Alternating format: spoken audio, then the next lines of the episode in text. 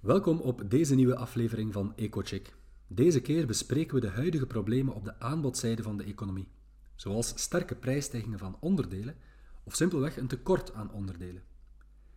Deze problematiek zorgt vandaag voor zowel hogere inflatie als een afzwakking van de economische activiteit. Het is bovendien erg belangrijk om te kunnen inschatten hoe lang deze beperkingen nog zullen aanhouden, om een goede prognose te kunnen maken over de evolutie van de wereldeconomie. Mijn naam is Steven Tripsteen en ik ben econoom bij ING. Veel bedrijven kampen vandaag met productievertragingen. En in het ergste geval wordt de productie gewoonweg stopgezet. En dat heeft natuurlijk ook gevolgen voor consumenten. Misschien bent u zelf al geconfronteerd geweest met het niet voorradig zijn van een product of met een bericht van de leverancier dat de bestelde producten later zullen geleverd worden. De levering van de douche die ik zelf drie weken geleden bestelde is al tweemaal uitgesteld en het laatste wat ik hoorde is dat de levering begin december plaats zal vinden.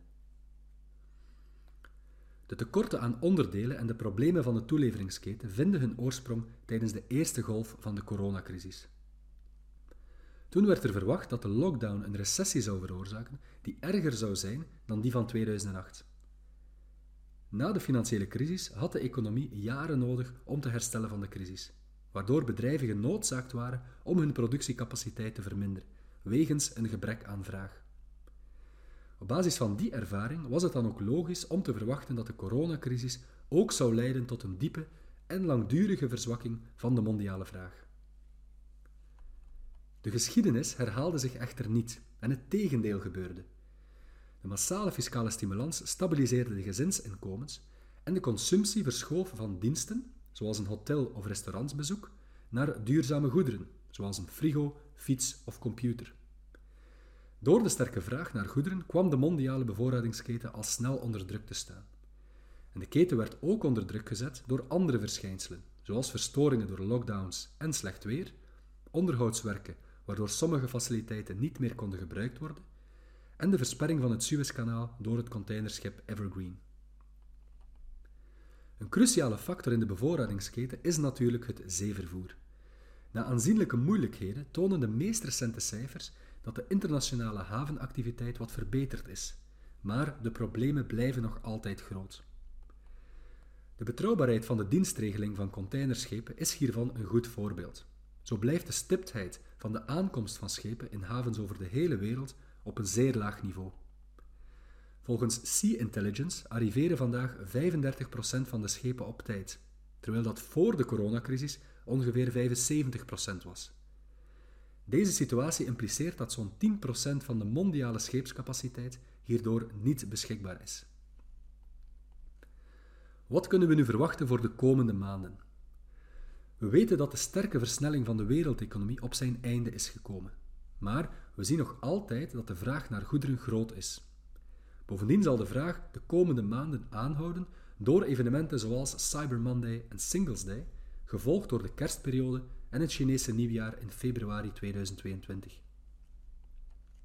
Ten slotte leiden tekorten soms tot hamstergedrag bij bedrijven en consumenten, wat de vraag nog verder doet stijgen en wat dus tot nog meer druk op de bevoorradingsketen zorgt.